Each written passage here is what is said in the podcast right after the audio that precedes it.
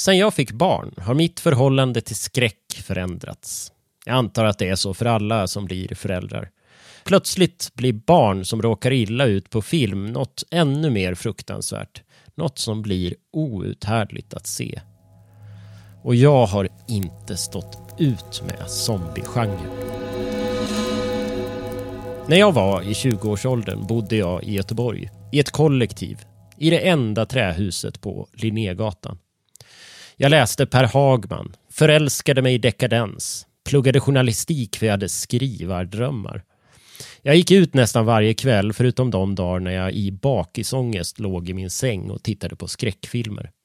Ju värre, desto bättre. Det var som att det enda sättet att döva min kemiska ångest var att utsätta mig för filmer där huvudpersonen hade det ännu värre än jag. Det var ett sätt att hantera och ta sig igenom de här dagarna och nätterna. När jag nu sätter ord på det låter det rätt mörkt, men ni får komma ihåg att jag var i 20-årsåldern. Alla känslor, alla händelser, kärlekar, besvikelser och så vidare var oändligt stora i den åldern. Jag tror att flera kan känna igen sig i det. Allt jag upplevde var för första och sista gången på något sätt. Hela livet stod på spel varje kväll. Helt outhärdligt och underbart. Och de där ödlenätterna, när jag ignorerade klockan för ännu en skräckfilm, har nu i efterhand ett magiskt skimmer över sig. Ibland kan jag sakna dem. Lite. En av dessa nätter såg jag för första gången Så av James Wan. Ni vet han som senare gjort Conjuring, bland annat. Den första Så-filmen är kanon, det tycker jag fortfarande. Den handlar som bekant om seriemördaren Jigsaw som använder sina offer som brickor i spel som ofta går ut på att någon måste såga av en kroppsdel eller döda någon annan för att själv överleva. Ja, ni fattar. Vems liv är mest värt? Vilka förtjänar en andra chans? Högstadiefilosofiskt på ett mysigt sätt. Jag tittade också på väldigt många zombiefilmer. För det fanns redan då alldeles för många. I nästan samtliga av dem ställs någon inför faktumet att hen måste döda sin fru, sitt barn eller sin bästa kompis för att den personen har blivit biten av en zombie och inom en snar framtid kommer även den att börja äckla sig. Det finns inget att göra. Det finns ingen medicin som stoppar zombieviruset. Det är bara att rikta pistolen mot huvudet på personen, gråtande säga I love you och sedan trycka av. Det är meningen att våra magar ska knytas till dubbelknutar när vi ser det. Vi ska bli illamående. Det är ett enkelt knep. Och det funkade på mig där i Linnégatans enda trähus. För min devis var ju mörkare desto bättre. John! Help us!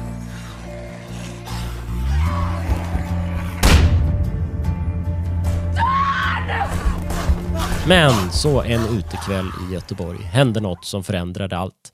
Jag träffade en tjej från Stockholm. Vi gick på efterfest ihop. Vi började prata med varandra och det samtalet har fortfarande inte tagit slut. Vi flyttade till Stockholm ett halvår senare. Ett år efter det fick vi vår dotter, ni vet hon som också älskar halloween och som snart borde se Evil Dead. Den första tiden när hon var nyfödd såg jag ingen skräck överhuvudtaget. Det var först när hon hade blivit ett år som det slog mig att jag helt hade missat James Wans nya film Insidious. Ivrigt satte jag igång den. Och jag fick en sån fruktansvärd ångest. Det var ju barn med i filmen. Och föräldrar, föräldrar och barn i en skräckfilm som jag såg, jag som var förälder och som hade barn. När filmen var slut var jag skakad. Betyder det här att det var över mellan mig och skräckgenren? Hade jag gjort slut med den utan att veta om det? Nej, såklart inte. Den där akuta ångesten gick över. Jag lärde mig att bolla min överjordiska kärlek både till min fru och dotter och till skräckgenren. Men det var en subgenre som jag fortfarande inte kunde se. Tänk dig att ett virus som ingen vet något om plötsligt börjar spridas över hela världen i blixtfart. Du är från en dag till en annan mitt i en pandemi. Du kommer troligtvis att drabbas av viruset. Eller åtminstone kommer någon du känner att drabbas. I värsta fall någon i din familj. Du kanske kommer att behöva ställas inför det faktumet att din fru eller ditt barn har blivit smittad. Zombiegenrens upplägg var för mörkt för mig. Jag kunde inte ens tänka på det. Sen kom 2020. I'll take your questions. Is it a virus? We don't know. How does it spread? Is it airborne? Airborne is a possibility. We don't know. Is this an international health hazard or a military concern? Both. Are these people alive or dead? We don't know. Is that true?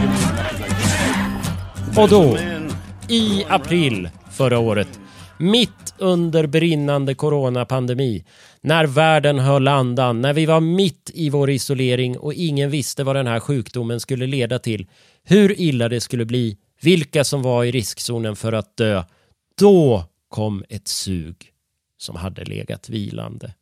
Jag började längta efter zombiefilmer. Jag minns att jag var försiktig till en början. Jag var orolig för hur jag skulle reagera om jag faktiskt såg en zombiefilm. Jag hade hört talas om den danska Sorgenfri, så jag hyrde den och jag tittade på den försiktigt med stor vaksamhet. Det gick bra. Det var till och med rätt så gött. Så jag såg om 28 dagar och 28 veckor senare. Jag såg om Dawn of the Dead, både originalet och remaken från 2004. Jag såg den sydkoreanska Train to Busan. Jag såg Cargo, både kort och långfilmen. Jag såg besvikelsen The Dead Don't Die av Jim Jarmusch.